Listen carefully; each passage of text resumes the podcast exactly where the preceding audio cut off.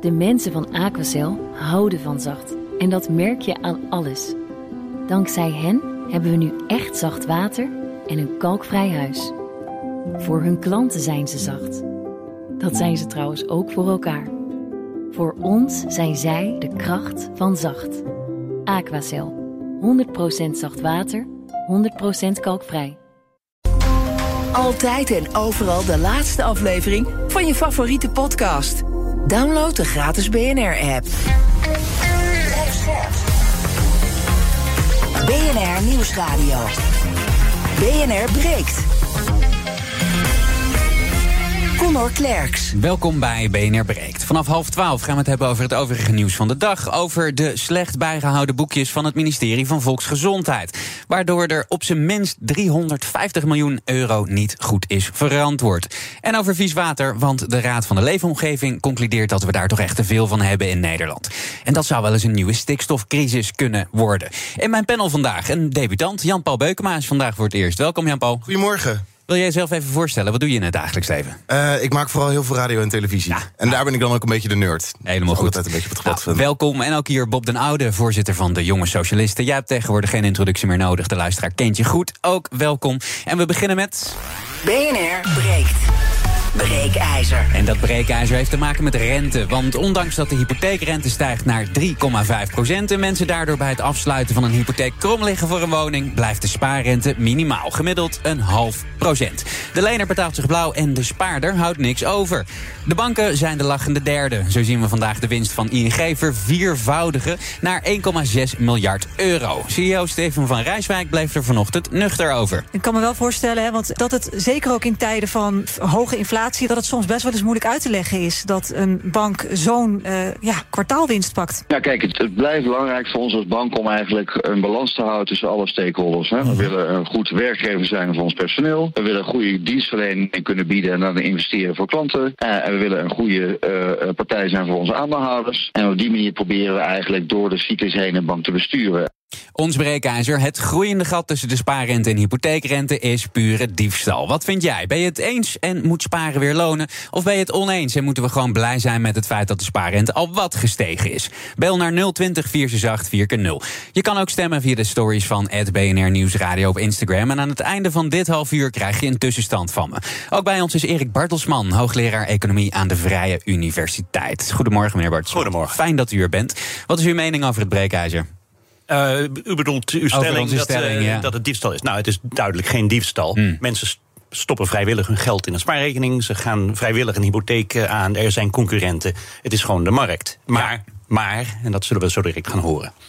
Ja, er zijn zeker maren. En uh, daar gaan we het ook zo meteen over hebben. Bob, uh, laat ik bij jou beginnen. Wat is jouw reactie op het breekijzer? Ja, nou ja, het is inderdaad. Ik vind het wel gewoon een mooi voorbeeldje van de grijflatie eigenlijk hoor. Het is, uh, nou ja. Maar om nou te zeggen, diefstal. Ik vind, nou ja, eigenlijk wat de hoogleraar zei. Het is eigenlijk gewoon marktwerking. Maar ja, dan marktwerking die niet functioneert. ja, volgens mij is het gewoon zo. Die banken hebben de macht gewoon te veel in handen. En ze komen er gewoon heel erg mee weg om die spaarders te benadelen. Die hebben geen andere optie. Want 0% is slechter dan een klein beetje beetje. Uh, ja, en het is ook niet echt makkelijk op dit moment om nou een bank op te gaan richten om eens een goed, uh, uh, nou ja, wat is alternatief Precies, te bouwen zelf. Ja. Ja, ja, ja. Jan Paul, hoe sta jij erin? Ja, absoluut oneens. Het is pure luiigheid op het moment dat je nu nog je geld in een spaarrekening steekt. Het is niet voor niets dat er nu zo'n hoog percentage aan beleggers is in Nederland. Het hoogste ooit ook. Want er is gewoon andere plekken waar je veel meer rendement uit kan halen. En de consument, uh, zegt Arnoud Boot, hoogleraar ondernemersfinanciering en financiële markten aan de UVA. En ook natuurlijk uh, bekend van BNR Zaken doen. Die wordt een faire vergoeding op zijn spaargeld onthouden, zegt hij. Je pakt het van de massa af en geeft het via de winsten van de banken aan de aandeelhouders. Dat lezen we vandaag in de Telegraaf. Meneer Bartelsman, wat vindt u van het nou, argument van meneer Boot? Ik ga er een beetje tussenin zitten. En als, en als ik de heer Boot, mijn collega, een beetje kan afvallen, dan mhm. doe ik dat ook graag. um, Kijk, ik vandaag een beetje gegoogeld. Spaarrentes, je wilt veilig. De, de, mediane huishouden heeft 15.000 euro aan spaargeld. Mhm. Daar pak je geen hoger rendement mee. Mhm. Tenzij je het in crypto doet en het morgen weg is en dat je dat niet erg vindt. Dus je wilt gewoon veilig je geld opzij zetten voor het geval dat je een vakantie wilt. of je schoondochter een, uh, een trouwjurk nodig heeft, wat dan ook. Mm Wat kun je doen? Nou, vandaag gegoogeld. Je kunt in een bank in Estland met depositogarantie kun je 2,2% pakken. Dat is niet slecht. Oké, dat is gegarandeerd. Maar ja, het is een, een nieuwe financiële stijger. Het is een beetje een start-up, ook al bestaat die 30 jaar. Eh, het is een beetje riskant. Maar goed, dan kun je, kun je 2%, 2 2% halen met depositogarantie. En dan kun je nu op internet binnen 10 seconden, 20 seconden, misschien een half uur als je een digipay bent, kun je je geld overzetten. Jan-Paul. Nou, het is niet alleen in Estland, hè. ook in Nederland. Ik zit zelf bij zo'n bank, maar dan een Nederlandse bank... die ook gewoon onder het Nederlandse garantiestelsel valt. En daar krijg ik ook 2,01 procent. eh, met een ton inderdaad garantie. eh, Maar waarom doen mensen dat niet? De mediane huishouden verdient daarmee ongeveer 8 of 9 euro per maand. Ja. Ja. en daarvoor moet je dus een handeling maken. Maar dan zit je ook een beetje met een onzekerheid. Het signaal dat de grootbanken nu geld verdienen, geeft wel een veilig gevoel. Ze gaan niet heel snel omvallen, want er zitten buffers. Er zitten veilige buffers. Ja. En ja, ook al is er depositogarantie, ik heb volgende maand de trouwjurk nodig. En ik krijg over twee jaar misschien mijn geld terug van het depositostelsel. Weet je, dit zijn onzekerheden die je voor 7,50 euro per maand niet gaat nemen. Als je mee wilt praten, dan kun je bellen met 020 468 4 0 Net zoals René de Boer. Goedemorgen, René. Ja, ja goedemorgen. Ehm, ja, ik eh, vind het echt eh, toch wel een, vorm van oplichting. Omdat eh, in het verleden was het altijd zo, als de rente hoog was of hoger was, dan kreeg je ook meer geld op je spaarrekening. Maar wat de banken nu doen, is ten koste van hun klanten eh, geld verdienen om die, om die rente maar zo laag mogelijk te houden. De SNS-bank geeft nog maar 0,25 procent, dus een kwart procent op je spaarrekening.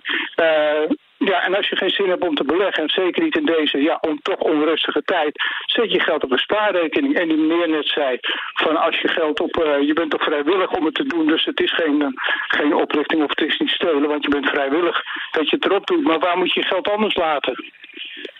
Nou, meneer Bartelsman, eh, meneer de Boer is het niet helemaal met u eens. Nee, nou, hele, hele goede vraag. Waar moet je het anders laten? Inderdaad, onder je kussen is het veilig, maar met, met 8% of 5% inflatie Ja, eh, verdwijnt ieder, jaar ver- verdwijnt de sneeuw voor de zon. Dus je wilt wat. Ja. Aan de andere kant, er zijn banken met lage rentes die bijvoorbeeld eh, niet in de wapenindustrie eh, investeren. Ja. Nou, daar betaal je er een beetje voor, maar je voelt je wel lekker. Of banken die goed doen met de groene transitie. Die betalen wat minder rente. Maar Mhm. daar krijg je wat voor. Nou, dit zijn, dit zijn keuzes die mensen kunnen maken. En je kunt inderdaad nu in het buitenland met Europese depositogarantie kun je 2,2% halen. Aan u de keus. Ja, maar het is niet alsof ik het gouden ei heb gevonden. Want ik zit dus in de bank, ik zit niet in de wapenindustrie... ik zit alleen maar in groene dingen en ik krijg 2,01 procent. En dat is nou ja, best je geen- huis, dus je huiswerk doen. Ja, precies. En niet zo lui zijn. Laat het niet staan bij een of andere grootbank. Gaan we naar de volgende beller. Bel 020 468 4 0 als je mee wilt praten. Goedemorgen, Eddy. Ja, goedemorgen.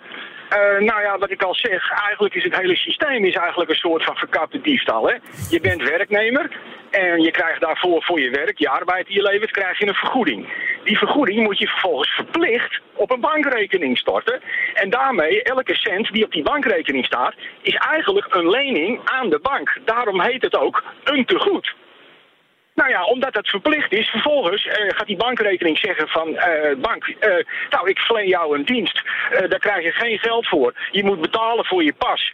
Je mag maximaal zoveel per dag opnemen. Allemaal van dat soort gekkigheid. Terwijl zij met dat geld, het tegoed wat jij verplicht leent, daar heb je niet eens een keuze in, gaan zij vervolgens alle geld verdienen en maken ze een hoop winst. Dus ja, eigenlijk is het een verkapte vorm van diefstal. Het Dankjewel. Eddy. Meneer Bartelsman, eh, Eh, ik- ik- dat- ik- bent u eh, gevoelig voor Ja, het sentiment dat- wat Het sentiment, en dat zijn goede argumenten. En ik ga zo direct iets over de lange termijn vertellen. Want, Mhm. want in Nederland hebben de banken het de laatste 15 jaar toch best moeilijk gehad. Eh, en is het niet ieder kwartaal, Hosanna. Mhm. Daarnaast, ja. Bent u verplicht het geld te laten overmaken op de bank? Ja. Maar u kunt het binnen 10 seconden er weer afhalen. Ja. En, en iets anders mee doen. Maar ik vind al die betaalmogelijkheden best wel, eh, best wel handig. Dat je met je pinpas eh, dingen kan afrekenen. Dat je ten alle tijde bij je geld kunt, dat je over kunt maken.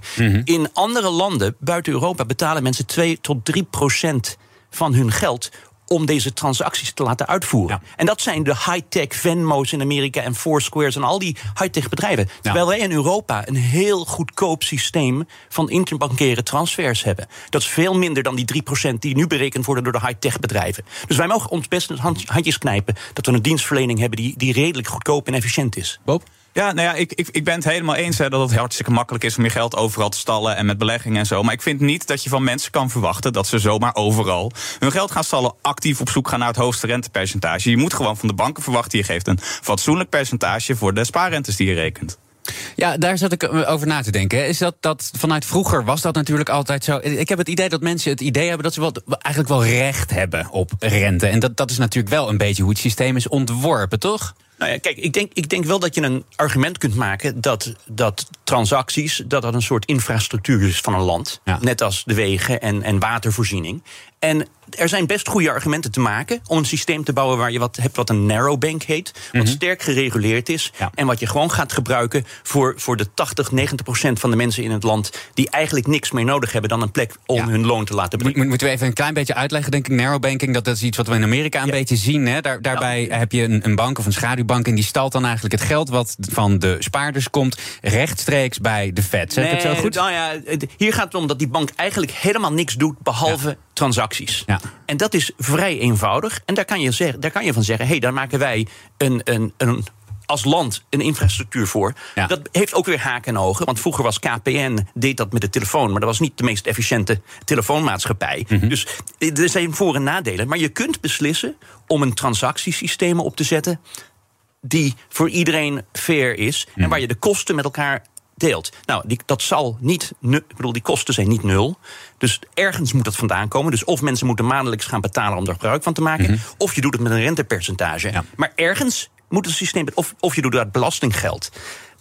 Daar zitten wel haken en ogen aan. Maar dat is een oplossing. En, en ik denk, de, ja, de, de jonge socialisten zouden dat kunnen uitwerken. als een, een, een deel dienstverlening van de staat. Ja, maar ik vind ook wel dat je niet. Ik vind dat je best van de consument mag verwachten dat hij zelf een keuze maakt in welke bank. Wil je weinig rente, dan ga je lekker bij een grootbank zitten. Wil je, nou ja, risico zou ik het niet eens noemen, want je bent gedekt door het, eh, door het stelsel. Eh, dan kan je best daarin bij een online bank, waar je dus inderdaad wel een hogere rente krijgt. Ja, maar sommige mensen hebben die tijd gewoon niet. Ik bedoel, het heel fijn dat we allemaal, als we allemaal je- hippe young urban professionals zijn. Hè, eh, dat, dan is het makkelijk gezegd. Maar als je gewoon eh, twee baantjes hebt of je werkt allebei eh, meer dan 40 uur. Probeer het allemaal eens met je spaargeld. hè. Ik denk dat jij in vijf minuten, en dat ook, ook mijn mijn moeder in Groningen, dat die ook binnen vijf minuten een, een online account heeft waar je dat wel maar hebt. dan gaan we bij het volgende argument dat sommige mensen überhaupt niet zo heel veel spaargeld Nee, hebben. maar dat is, het, dat is het punt. De helft van de Nederlanders hebben minder dan, minder dan Nederlandse huishoudens hebben minder dan 15.000 spaargeld. Dus deze discussie of je nou die 0,6 bij de ene bank of die 0,2 bij de ene bank of de 2 bij de andere krijgt, dat gaat over 57 à 15 euro per maand. dus dat, is, dat zijn de kosten van de dienstverlening om niet moeilijk te hoeven doen. Ja, maar dat is precies dus deze discussie die we hebben. hè. Want we hebben het nu dus eigenlijk over... gaan we heel veel huishoudens 8 euro geven? En dat lijkt me dus heel positief. In plaats van dat nou, tegen... Maar dat, dat kan op vele andere manieren. Dat kun je doen zonder het financiële systeem. Jullie kunnen gewoon de, de uitkeringen iets omhoog doen, de kinderbijslag iets omhoog. Dat is waarschijnlijk een goedkopere manier om dit te doen dan het bankaire stelsel om zeep te helpen. Dus, BNR breekt.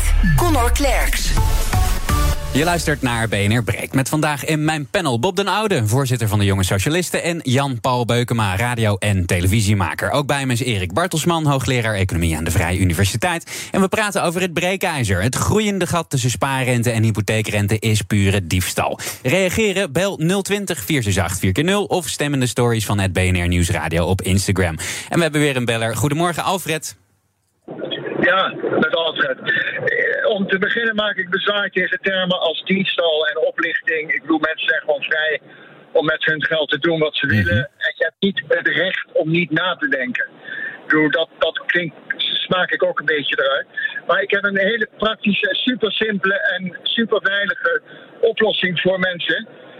Eh, de meeste mensen die spaargeld hebben, hebben ook een hypotheek. Ik zou zeggen, los 15.000 euro van je hypotheek af. En dan heb je het perfect belegd tegen dezelfde rente als de hypotheek kost. Gaan we meteen voorleggen aan eh, eh, Erik. Dankjewel, Alfred. Eh, inderdaad, als je, als je genoeg spaargeld hebt, wat je niet volgende maand voor de trouwjurk van je schoondochter nodig hebt, dan is dat een goed idee. Maar mensen hebben buffers voor veiligheid, voor dingen. Als er iets gebeurt, moet ik ineens naar het buitenland of moet juist mijn familie moet ineens snel terug. Dus er zijn redenen dat je een beetje een buffer aan wilt houden. Ik ben mijn baan kwijt, eh, de, de, de fik zit in mijn restaurant waar ik kok ben. Eh, dus, dus dat kan niet met alles. Uh, maar inderdaad, mensen met meer vermogen, die kunnen goed gaan nadenken van hoe spreid je dat, hoe kun je dat het beste beleggen. En dan kom je toch met, met ingewikkelde dingen. Maar jij zou best- dus zeggen dat ik eerst 15.000 op mijn hypotheek kan aflossen, vier tientjes per maand minder betaal? Nee, ik zou zeggen, eh, zorg dat je, dat je voor al die uh, onzekerheden een buffer hebt. Dus wel die buffer houden en Die buffer, zeker. En dat is absoluut die buffer hebben. Want als je, als je ineens je telefoonrekening niet kunt betalen... dan wordt 120 euro wordt ineens 450 als de deurwaarder komt. Dus voor mensen aan de onderkant... die gaan vooral kapot door al die extra kosten... waar ze geen cash voor hebben. Dus bouw alsjeblieft die buffer op. En ga niet eh, zitten meijeren over, die, over 0,6 of 0, of 1,2 of 1,8 procent rente. Het gaat erom dat je iets veiligs hebt... wat je nodig hebt indien er iets gebeurt. We gaan naar de volgende beller. Sorry Bob, ik kom zo bij jou. Rogier, goedemorgen. Ja, goedemorgen. Ik eh, weet eh, alleen even Ivan zijn naam. Eh, ik ben jouw naam vergeten. Ik heb wel vanmorgen naar de, de ochtendspits geluisterd. Maar Helemaal goed, geen probleem. Ik heet Connor, maar het maakt niet uit. Corrigeren. Dat, eh, die had het erover van, eh, ja, dat scheelt met 7,5 euro eh, voor, als je dan van, naar zo'n bank gaat die je lokt met 2,2 procent. Maar die bank met 2,2 procent, die zou onmiddellijk om mensen te lokken zijn rente verhogen als wij een normale spaarrente kregen van bijvoorbeeld zo'n uh, van de ING.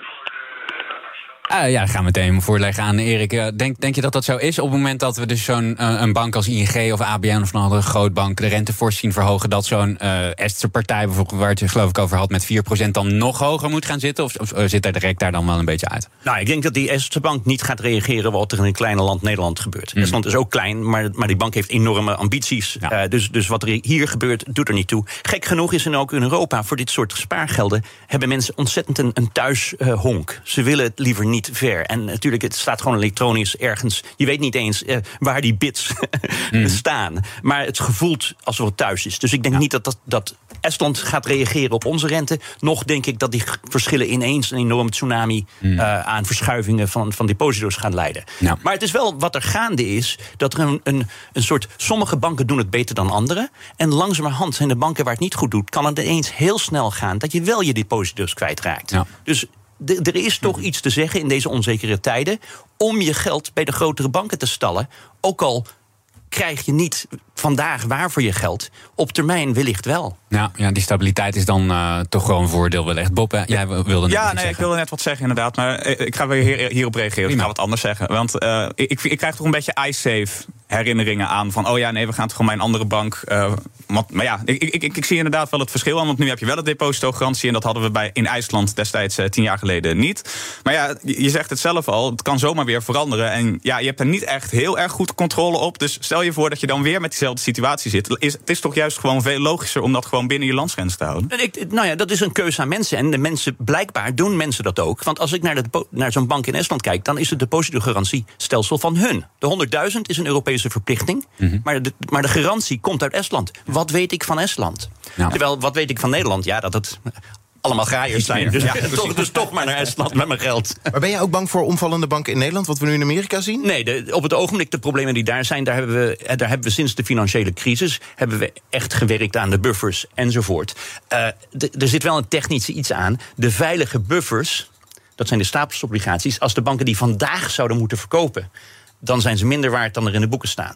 Maar dat is omdat je ze waardeert als een veilig iets. Dus eigenlijk zie ik zie dat probleem in Nederland niet zo gebeuren op het ogenblik. Ja, maar dat is wel de kern. Wat voor, moet, moet je even helpen, E- Er- Erik, als ik de verkeerde bank zeg. Maar was het Silicon Valley die juist bij dit, dit eh, eh, probleem wat je omschrijft... dat ze dus eigenlijk al hun geld veilig hadden gestald in Amerikaanse staatsobligaties... die rente omhoog ging, mensen eh, de kleine lettertjes lazen... eh, hun geld terugtrokken en zij niks konden. Waarom zou dat in Nederland niet kunnen Nou ja, gebeuren? terug, kijk, eh, de, de theorie helaas zegt dat wat een bankrun, als mensen hun geld afhalen, dan, dan gaat zo'n bank ook kapot. Die logica bestaat altijd. Nou, wat er wel is, we hebben 100.000 euro staat veilig. Dus mensen gaan in Nederland niet heel snel uit angst die bedragen weghalen. Bij Silicon Valley waren er heel veel bedrijven, kleine start-ups, die veel meer dan de 250.000 daar garantie, maar nog veel meer hadden staan.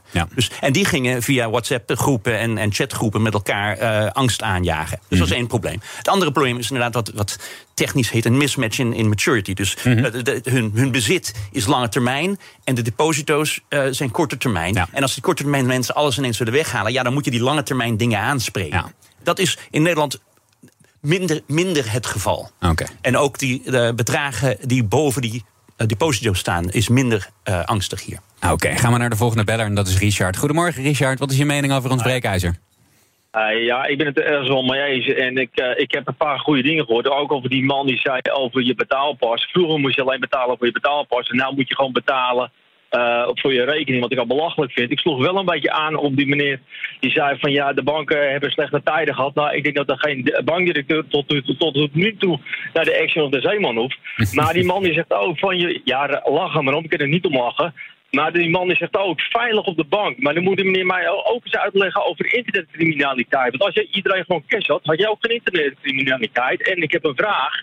Wat is de kostprijs voor een bank als een mens een betaling doet. Want volgens mij gaat alles vol automatisch. En dus is het allemaal puur. Het was net als met de, uh, telefoons, uh, met de telefoonbedrijven. Dat je bijvoorbeeld 25, of 25 euro moest betalen voor een sms'je. En wat de telefoonmaatschappijen maar 0,01 cent kosten. Ik vind het wel een interessante vraag, Richard. Heb jij enig idee, ja, Erik, wat een transactie kost? Uh, nou, ik, ik, heb het niet paraat. Wat ik wel weet is dat die transactiekosten de laatste 40 jaar uh, dramatisch gekelderd zijn. Ja. Die gaan dus, uh, en, en een van de redenen dat die start-up in Estland het goed doet, is omdat zij niet die oude computers en die oude systemen en die oude draden hoeven te onderhouden. Mm -hmm. Ze hebben alleen maar het nieuwste spul, wat een tiende kost van het oude spul. Dus in, in Europa hebben we een betaalsysteem wat eigenlijk heel efficiënt is. Dat SEPA, waar je overal geld heen en weer kunt maken. Maar dat systeem per transactie kost, u heeft gelijk, kost inderdaad niks.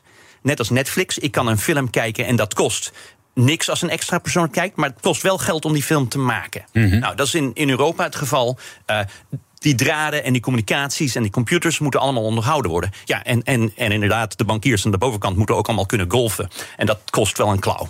Dus daar, daar ben ik het wel met u mee eens. Oké, okay, Jan-Paul, wat vind jij eigenlijk van die bonus aan de top bij banken? Ja, dat slaat natuurlijk helemaal nergens op. Daar kunnen we net zo goed afscheid van nemen. Ja, dat is toch, er is niemand die zal zeggen... nee, de bankdirecteur hoort zo'n salaris te verdienen, toch? Iemand de bankdirecteur denk ik wel, maar wat, wat, wat vind jij, Erik? Kijk, als het, het, het probleem daar is... als een bankdirecteur het fout doet, kost het de staat geld, kost ons allemaal geld als ze Hmm. omvallen. Dus je wilt wel mensen hebben die, die echt hun best doen. Of dat uitgelokt wordt door bonussen, daar kun je je vraagtekens bij zetten. En ik denk dat ik het veel meer met mijn collega van de, van de jonge socialisten eens ben... dat die hoge bonussen niet de enige prikkel zijn... om een bankdirecteur goed te laten functioneren. Bob? Ja, nee, dat is gewoon helemaal waar. Maar er zit, ik denk dat dit ook even raakt aan een grote discussie van dit hele ding. Want de banken maken door deze verschil tussen spaarrentes en hypotheekrentes ook nog een gigantische winst. Want daar is het allemaal om te doen. Ja, en daarom keren we die bonussen uit. Dus ja. dat is precies ook iets waarom je zou zeggen van... goh, pak het aan. Want ook die winsten van die banken is een maatschappelijk probleem.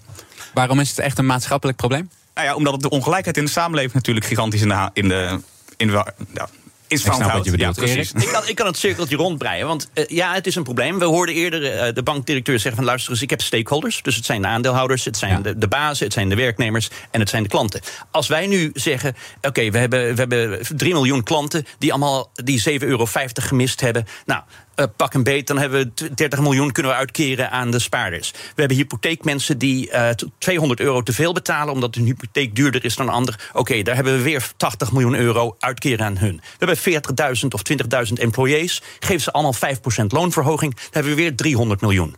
Oké, dus je kunt het allemaal verdelen. Wat ik echt wil, is dat die banken gaan investeren in de toekomst om hun dienstverlening efficiënter te maken. Hm. En dat is een beetje lange adem hebben. Maar ik wil wel dat wij in Nederland over vijf jaar nog banken hebben. En die banken in Estland, die maken gebruik van de beste technologie. Die hebben de beste, beste werknemers. Die hebben allemaal data scientists en financiële experts in dienst. En die zijn bezig een uitrol te maken van de volgende generatie banken. Hm. Ik zou nu het liefst hebben dat de Nederlandse banken samen met hun personeel en wellicht hun klanten ook gaan nadenken van hoe kunnen wij ons bedrijf in de komende tien jaar omdraaien en ook efficiënt maken, zodat de kosten voor iedereen omlaag kunnen. Nou ja, en dat vind ik het interessante aan die neobanken, dus die digitale banken, want daar komt die innovatie vandaan. En wat je ziet ook is bijvoorbeeld bij Bunker, de Nederlandse bank, is dat de uh, eigenaar van Ali Niknam, die heeft ook een rechtszaak aangespannen tegen DNB om te kijken of dat hele proces ook anders kan voor het verifiëren en het uh, fraudedetectiestuk. Dus je ziet ook dat juist die innovatie bij die kleine neobanken vandaan moet komen om daarmee juist de grote jongens een beetje te helpen. En dat gaat in Nederland heel erg goed, want Bunker gaat naar Amerika binnenkort. Ja. Nou, er zijn, er zijn er meerdere. Ik, ik ga me niet over het ene bedrijf of het andere uitlaten. Want als je, als je bij Trustpilot gaat kijken naar wat denken mensen van de ene bank of de andere, dan, dan, dan zit er wel wat dingen. Uh, dus de, de klachten die je hoort over sommige van die neobanken, die hoor je minder bij ABN. Maar daar hoor je de klacht dat je te weinig rente krijgt. Ja. Dus je, je krijgt, ergens krijg je waar voor je geld. Maar je hebt gelijk, de, de, de finan- we hebben in Nederland een paar grote bedrijven die wereldwijd opereren in de, in de backbone, zeg ik maar. De, de basisinfrastructuur van de financiële dienstverlening. En daar gaat de rest van de wereld gebruik van maken. En wij kunnen daar ook een dienstverlening in Nederland gaan bieden op dat gebied. En het is inderdaad, het is wereldwijd. Maar je hebt hele sterke regulering nodig bij banken. Want, oh, want kijk, hele, banken, heb, het zijn, ja, laten we het zo zeggen, ze hebben je geld. Oké? Jij hebt jouw geld daar gestald en je wilt niet dat ze ermee weglopen. Dus je hebt hele sterke regulering bij nodig bij banken. En dat moet je niet alleen in Nederland doen, dat moet je op Europees niveau doen. En, en eigenlijk ook meer in de G20-verband moet je zorgen dat, dat mensen niet door de mazen van de verschillende landen heen kunnen. Dus ik, ben, ik, ik denk dat we dit aan kunnen, maar het is een gezamenlijk project. Ik zou liever hebben dat we concurrerende vrije private banken hebben dan een, een land, eh, dan de Lada-bank van, van Nederland. Eh, aan de andere kant, het moet wel sterk gereguleerd worden. Nee, Ik zou het liefst ook hebben dat alles gewoon vrije markt heeft. Maar dat werkt dus niet. Dus daarom doen we voor regulering. Want je zei net volgens mij ook dat regulering de banksector kapot maakt. Eh, Tenminste, in ieder geval. Nee, dat ging over dat, eh, eh, het, het, spaar, het, spaar, het, het verschil tussen de spaarrentes aanpakken. Ja, ik, ik denk dat je voorzichtig moet zijn met, met wat je wilt doen. Ik zou nu niet willen dat we, dat we een verplichting gaan leggen op spaargeld. Dat was in de jaren 80 in de VS, in de, wat heette de Savings and Loan Crisis. Dat er een regulation Q was, waardoor de banken verplicht waren om ineens te veel rente uit te keren voor spaarrekeningen. En op een gegeven moment kon dat niet meer. En zijn die banken massaal failliet gegaan vanwege een regulering die niet meer paste in de markt. Dus je moet er wel heel voorzichtig mee omgaan. Dan moet je wel heel veel mensen met pakken uitnodigen om in, in, in Frankfurt voor veel geld na te denken. Maar dat zijn wel mensen die het voor het publieke doel doen. Ja, maar je kan toch prima de excessen aanpakken door een beetje goede regelgeving te maken. Dat, zo, zoals nu ook. aan de- Absoluut, maar daar moet je dus voorzichtig mee zijn. Daar heb je kennis voor nodig. Dat kun je niet doen door te roepen: oh, er, er is diefstal. Want d- daar moet je voorzichtig mee zijn. Oké, we gaan eh, voorzichtig door. Heel veel dank, Erik Bartelsman, hoogleraar economie aan de Vrije Universiteit. Op eh, Instagram kun je nog de hele dag stemmen. De tussenstand van onze peiling, ons breekijzer, is het groeiende gat tussen spaarrente en hypotheekrente is pure diefstal. Nou, nee, 92% eh, van onze stemmers is het eens met ons, 8% is het oneens. Je kan, zoals ik zei, nog de hele dag stemmen. Zometeen gaan we het hebben over het ministerie van VWS, want daar hebben ze zich niet aan de wet gehouden en voor het luttele bedrag van 350 miljoen euro inkopen gedaan die ze niet hadden mogen doen. En vraag ik aan mijn panelleden. Ja, hoe, hoe, hoe, hoe, hoe, hoe, hoe. Hoe we in godsnaam van al die duiven in de stad gaan afkomen. Heerle heeft namelijk wel een idee. Zometeen allemaal inbreekt. De mensen van Aquacel houden van zacht. En dat merk je aan alles. Dankzij hen hebben we nu echt zacht water en een kalkvrij huis. Voor hun klanten zijn ze zacht. Dat zijn ze trouwens ook voor elkaar. Voor ons zijn zij de kracht van zacht. Aquacel. 100% zacht water, 100% kalkvrij. Ik ben Olivier van Solft. Betaalt u te veel huur of huurt u te veel kantoorruimte? Solft heeft de oplossing. Van werkplekadvies, huuronderhandeling tot de verbouwing. Wij ontzorgen u. Kijk voor al onze diensten op soft.nl.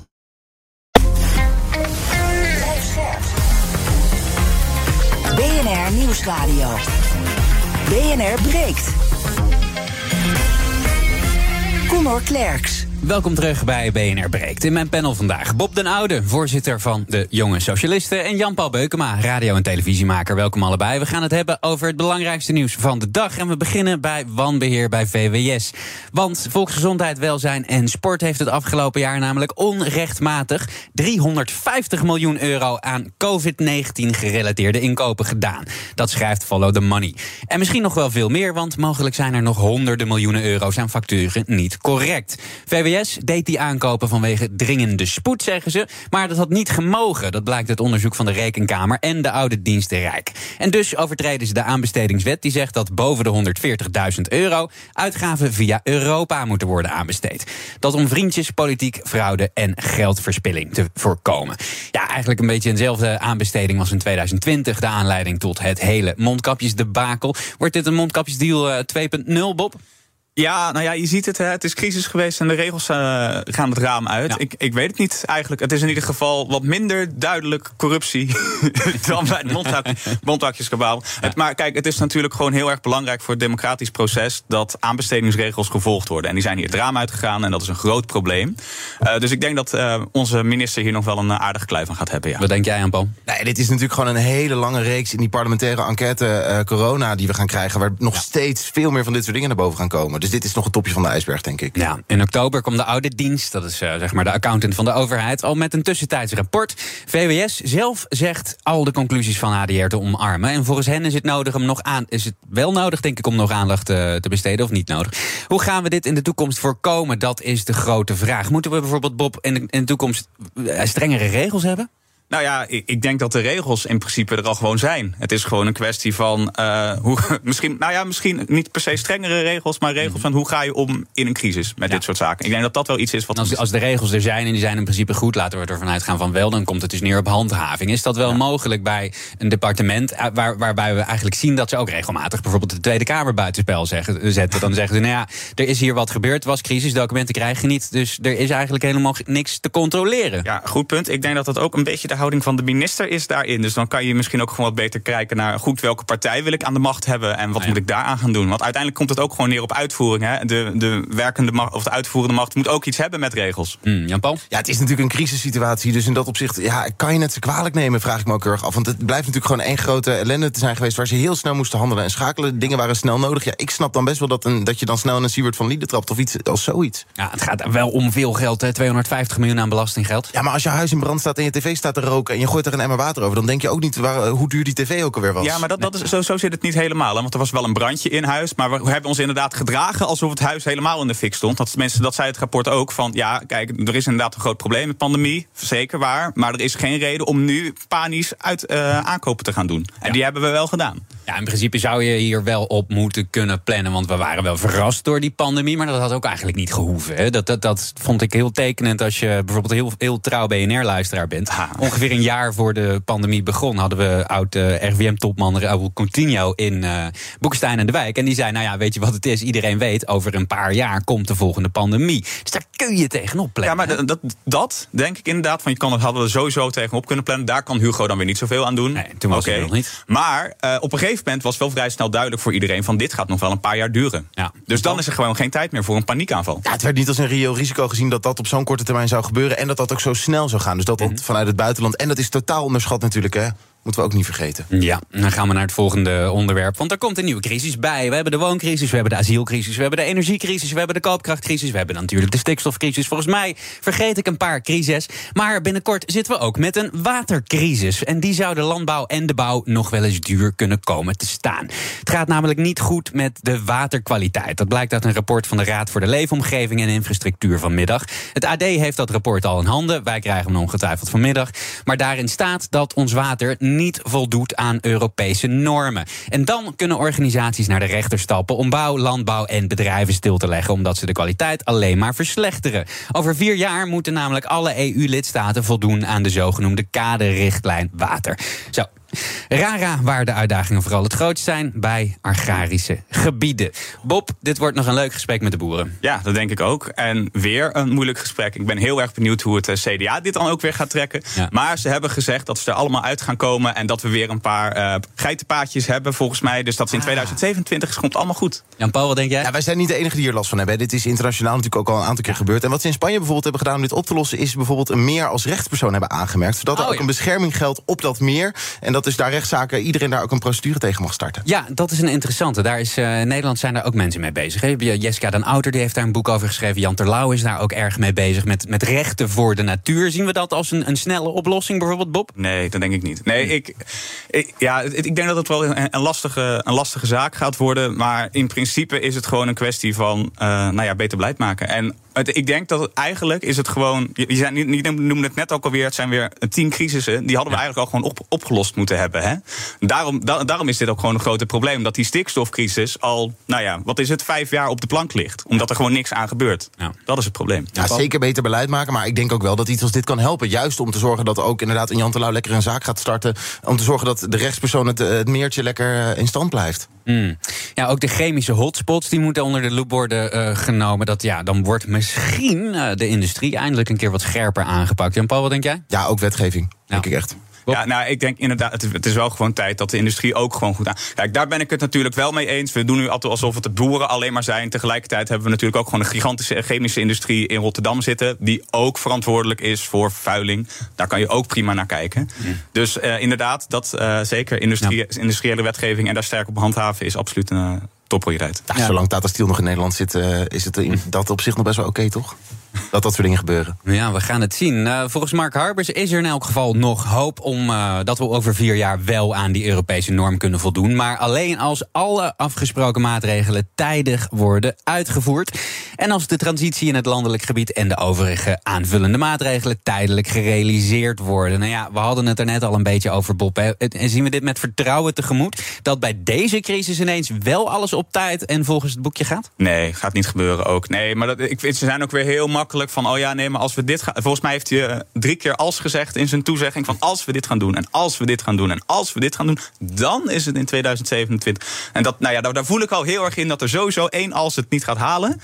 Uh, dus nee, ik, ik, ik ben daar heel sceptisch over. Ja. Jan-Paul, wie moet dit oplossen? Wordt dat uh, Herman Tjenk Willink of Johan Remkes? ik dacht zelf aan Willem-Alexander, die was natuurlijk ooit oh, watergezant. Ja, ja wat ik overigens wel een markant detail vond in dit verhaal... is dat je tegenwoordig natuurlijk ook nog een watergezant hebt bij de VN. dat is op dit moment Henk Ovink. ik vond het zelf wel grappig, want ik zat even op zijn LinkedIn vanochtend. En die had dus een sticker met Open to Work.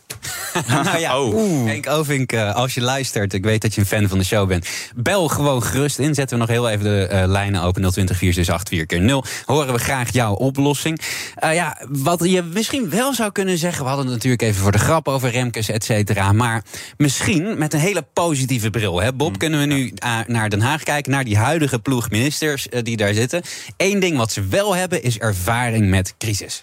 Ja, en met Johan Remkes. Ook dat. ja, ja, ja, ja, ja nee, ja nou, maar, met, nee, maar niet per se met crisis natuurlijk. Ja, ja, heel cynisch gezegd hebben ze vooral ervaring met inderdaad met het omzeilen van een crisis. En dan hebben ze weer moeilijke vragen in de Tweede Kamer. En dan uh, weten ze heel goed hoe ze al die vragen moeten ontwijken. En dan kunnen ze de fractiediscipline weer perfect hebben. Zodat ze toch geen motie van wantrouwen die een meerderheid krijgt. En dan blijven ze weer zitten en is weer de volgende crisis. Jan-Paul, hoeveel uh, crisis kan het kabinet nog aan, denk je? Nou, ik denk dat de asielcrisis best een ding gaat worden. Uh, die gaan we volgende maand krijgen. Het zou me niks verbazen als daarover gevallen gaat worden. Um, en we hebben er nog best wel wat. Maar uh, ik denk dat we. Ja, corona krijgen we nog. We krijgen nog gas. We krijgen nog. Uh, wat hebben we verder nog allemaal? Uh, stikstof natuurlijk. asiel heb je genoemd. ja, het wordt spannend in elk geval. Ik ben Sylvia van Solft. Betaalt u te veel huur of huurt u te veel kantoorruimte? Solft heeft de oplossing. Van werkplekadvies, huuronderhandeling tot een verbouwing, wij ontzorgen u. Kijk voor al onze diensten op soft.nl. De mensen van Aquacel houden van zacht. En dat merk je aan alles. Dankzij hen hebben we nu echt zacht water en een kalkvrij huis. Voor hun klanten zijn ze zacht. Dat zijn ze trouwens ook voor elkaar. Voor ons zijn zij de kracht van zacht. Aquacel. 100% zacht water, 100% kalkvrij. Zaken doen. BNR breekt. Wij gaan nog eventjes door met BNR Breekt. En uh, jullie hebben natuurlijk ook eigen nieuws meegenomen. Bob, jij wil het hebben over de bed, bed, wat, bed, brood discussie. Ja, het is een tongenbreker hoor, absoluut. Nou, ik, heb, ik heb hem zelf ook vier keer geoefend voor de spiegel vandaag. Maar uh, ja, want er is dus onduidelijk, er, was on, er is, er was onduidelijkheid over de toekomst van de bed, bad, broodregeling. En dat is dus die regeling waarmee we ongedocumenteerde vluchtelingen in Nederland opvangen in bepaalde gemeentes. Als een tijdelijke soort regeling. Nou ja, dat, uh, eerst zou die dus wegbezuinigd worden door de staatssecretaris. Toen niet.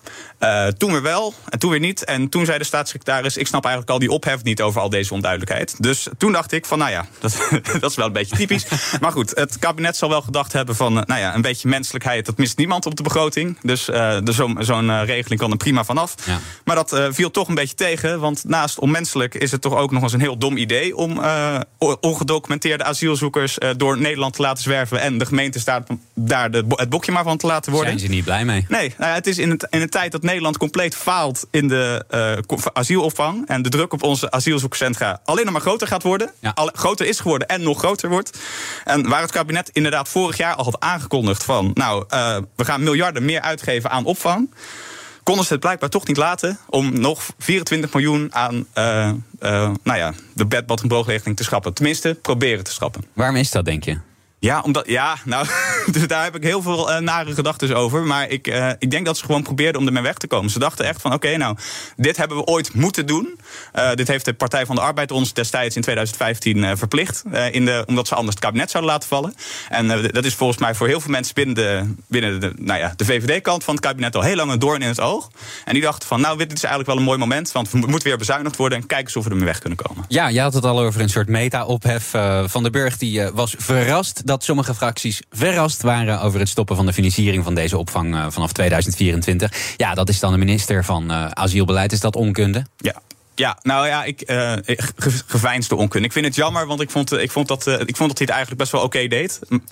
Maar uh, in principe, het is, ja, nee, het, het is of onkunde of hm. kwaadwillendheid. Zijn minister is natuurlijk een staatssecretaris. Wat denk jij, Jan-Paul? Uh, ik denk dat het heel bizar is dat wij hier niks van hebben geleerd. Dat we vorig jaar natuurlijk ook weer een stijgende lijn hadden. Uh, enorme cijfers. We zitten inmiddels ook weer in die verhoging. Maar er gebeurt nog steeds veel te weinig. Dus ik kan je vertellen dat we over een maand met op één weer lekker, lekker zitten in een asielzoekerscentrum. Maar het is bewust beleid, hè? Dat ja. gewoon, we Tuurlijk. doen het te klein en daardoor is er een probleem. En daardoor, omdat er een probleem is, moeten er minder mensen komen. Dus iedereen dus, een soort uh, over de schutting flikkeren, maar dan zonder een oplossing. En ook zonder een, iets aan de andere kant van ja. de schutting. Ja, het is een beetje dus over de schutting flikkeren, maar het andere huis staat ook in Nederland. Het is heel slim, ja. Bob, jij bent uh, uh, politiek best bedreven. Ik weet dat je het sowieso niet eens bent in dit geval met het kabinet. Maar laten we even gewoon als, als, als mentale exercitie op hun stoel gaan zitten. Um, denk je dat ze dit nog lang kunnen verkopen aan een eigen achterban? Loopt hij hier warm voor? Uh, om wat te doen? Om... om... dus eigenlijk op deze manier linksom of rechtsom te blijven proberen te korten op de uh, uh, asielsituatie. Om bijvoorbeeld die COA's met grote problemen op te zadelen. En dat alles eigenlijk in naam van een, een rem op de aanzuigende werking, zoals ja. ze dat bij de VVD noemen. Nou ja, hun achterban maakt het een stuk minder uit dan de, de, linkse achterban, denk ik. Dus ik denk dat ze dat misschien nog wel een heel tijdje kunnen verkopen. Maar ja, ik, ik... vooralsnog met meer, hè, die, ja. die achterban. Ja, precies. Dus dat is ook jammer. Maar dat, dus in die zin, politiek gezien, snap ik het dan weer wel. Ja. Van ja, je komt ermee weg. Dus waarom zou. Tenminste, nu niet. Haha, we hebben toch weer 24 miljoen uh, binnengehaald, jongens. Maar uh, in principe niet, nee. Hmm. Jan-Paul? Uh, ik heb hier echt te weinig uh, verstand van. Fair enough. Dan gaan we naar jouw eigen nieuws. Je hebt gekeken naar de developers-presentatie van Google, Google I.O. En die ging vooral over... AI, AI, AI, AI, generative AI, generative AI, AI, AI, AI, AI. Het was een lange avond. AI, AI. It uses AI to bring AI, AI, AI, AI, AI. Ja.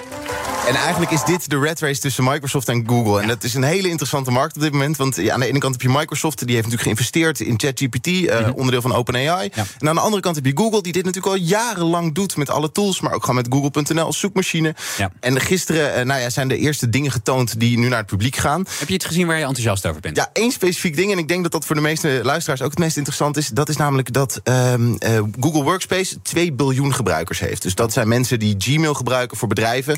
Uh, en aan de andere 2 uh, miljard gebruikers, klopt dat? Ja, biljoen, zoveel zijn we, met, zijn we met we zijn niet op aarde met, ik, heb uh, met ik heb dit ergens in een artikel ja, gelezen. biljoen is 2 miljard, denk ik dat uh, ze bedoelen. Maar in ieder geval... Uh, het is nog steeds 1 op de 4 mensen op aarde. Dat is krankzinnig veel. Is bizar. En aan de andere kant heb je Office 365, 200 miljoen gebruikers. Komt mm -hmm. ook uit datzelfde artikel, dus ook de vraag of dat klopt.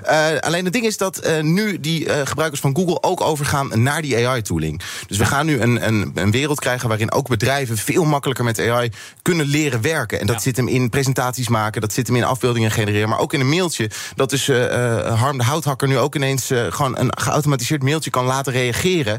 zonder daar zelf ook maar over na te hoeven te denken. Ja, en uh, Google komt geloof ik ook eindelijk met toegang voor BART. Hè. Hun, hun, zeg maar, een van hun taalmodellen, ChatGPT-achtige dingen. Dat zou vandaag misschien al wel kunnen gebeuren. Heb je al gekeken ja, op die live staat? Nee, hij staat nog niet live. Ik heb al zeker gekeken. Maar ik heb, ik heb hier natuurlijk al lang in zitten verdiepen. Dit gaat nog best wel lang duren voor Nederland. Mm. En het meest interessante is wat Google gisteren gepresenteerd heeft voor de consument in Nederland. Is dat je resultaten krijgt, maar dan met een Ja. Dus dat je kan zeggen: ik wil een restaurantje in Utrecht aan het water uh, en ik wil niet te veel, te betalen, niet te veel betalen. Krijg je allemaal resultaten. Ja. Dat is natuurlijk gewoon een kloon van Microsoft. Die heeft dit nu al live staan met Bing. Bing. Dat werkt erg goed. Kan ik zeker deze zomer aanraden. Als je op vakantie gaat, lekker gebruiken. Want als je op zoek bent naar leuke plekken in het dorp waar je zit, kan je dat heel makkelijk vinden. Ja. Bob, hoe kijk jij aan tegen de hele AI-revolutie? Zie je beren op de weg spoken of denk je dit is allemaal goed nieuws? Nee, nou ja, uh, ik heb het al eerder gezegd hier. Uh, in, in, principe zijn er zeker risico's. Ik denk ook dat je er niks aan kan doen. Dus uh, ik probeer er maar gewoon de goede dingen eruit te halen. En die zijn er heel erg. Ik denk dat mensen heel erg gaan uh, profiteren van het feit dat er heel veel lastige zaken allemaal door AI gedaan kunnen worden. Dus ja. dat is alleen maar goed voor de mensheid, denk ik. Ik denk dat de risico's onoverzienbaar zijn en gigantisch.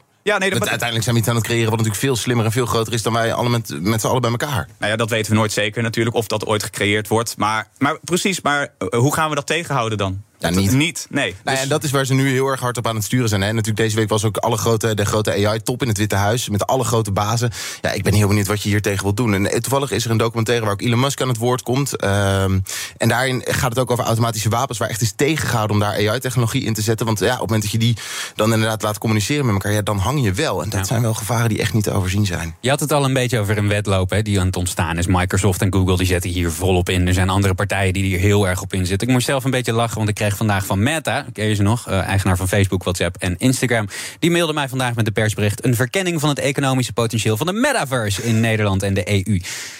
Dat is een beetje jammer, hè? daar heeft niemand het meer over. Nou ja, Apple is daar heel erg druk mee bezig op de achtergrond. En uh, volgens mij wordt dat heel cool. Uh, en de metaverse, wat je daar nu van ziet, zijn best wel wat leuke praktische toepassingen. Dus stel, je hebt een, een, bureau, die heb je on the go mee. Je hebt geen laptop meer nodig, maar je zet je bril op... en je hebt gewoon allemaal schermen staan. En je kan gewoon lekker tikken op een virtueel toetsenbord. Ja, dat mm. zijn praktische toepassingen. Maar of we nou volgende keer dit gesprek voeren in een metaverse... Ja, ik denk het niet. Ik betwijfel het ook. Bob, wat denk jij? Nee, ik zie dat heel, echt als een heel ver van mijn bed. Nou ja, sowieso gaat het niet gebeuren. Maar ik denk ook gewoon dat het het probleem is van Mark Zuckerberg... die nou heel erg rijk, heel erg veel geld en heel erg veel macht heeft. En dacht van oké, nee, dit is de oplossing, jongens. Dit gaan we uitvoeren. Terwijl niemand zit hier op. Maar mensen zitten hier wel op te wachten, maar dit gaat niemand, niemand regelen in ieder geval. Dus nee. Alright, en wij gaan kijken naar wat er trending is op de social media. Hashtag Trump, die staat hoog, want de oud-president gaf vannacht een 70 minuten lang interview aan CNN. En daarin deed hij, niet geheel tegen de verwachting in, een aantal controversiële uitspraken. Zo kijkt hij nog altijd met blijdschap terug naar de kapitoolbestorming. January 6 was again, we go back to it, but January 6 had to do with the fact that hundreds of thousands of people, and you don't see the pictures very often. It was the largest crowd I've ever spoken to. that was an unbelievable and it was a beautiful day. Goed, verder zei hij dat de hoge energieprijzen in de VS... dat hij die op wil lossen door flink wat meer olie uit de grond te halen. En zei hij nog niet zeker te zijn of hij Oekraïne wel zou steunen... als hij weer president zou zijn. En op vragen over de documenten die hij uit het Witte Huis meenam... wilde hij geen direct antwoord geven. Can I talk? Yeah, what's you the mind? answer? Can I, do you mind? I would like for you to answer the question. Okay, it's very simple to answer. That's why I asked it. It's very simple to. You're a nasty person, I'll tell you. Mm. Een nasty person is de interviewster dus volgens hem. Overigens heeft CNN een hele blog met factchecks over alles wat hij zei klaarstaan voor de liefhebber. Ook hashtag klimaatzaak Bonaire doet het goed. Acht jaar na het Urgenda-vonnis hangt er weer een rechtszaak boven het hoofd van het kabinet. Want waar voor alle gemeenten een klimaatfonds en beleid is, is dat er niet voor Bonaire. Greenpeace was een van de aanklagers. Zij maken zich vooral zorgen omdat het eiland deels onder water verdwijnt bij het stijgen van de zeespiegel. En natuurlijk zenuwachtige scholieren op de socials, want hashtag eindexamens die zijn vandaag begonnen. Alle mobieltjes, oortjes, horloges, alles in de kluis. Ruim 137.000 scholieren zitten in de gymzaal. Het VMBO begint aan natuur scheikunde en Engels. En ook uh, de havisten hebben een eindexamen scheikunde. Voor VWO'ers staat Duits en wiskunde op het programma. Succes allemaal.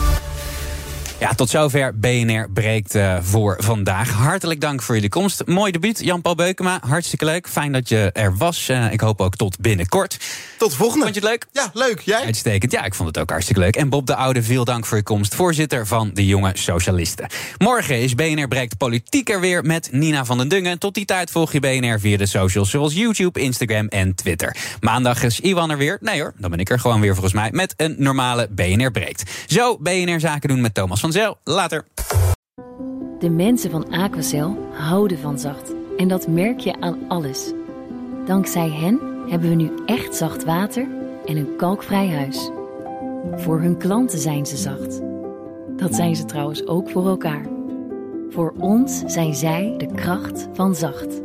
Aquacel. 100% zacht water, 100% kalkvrij.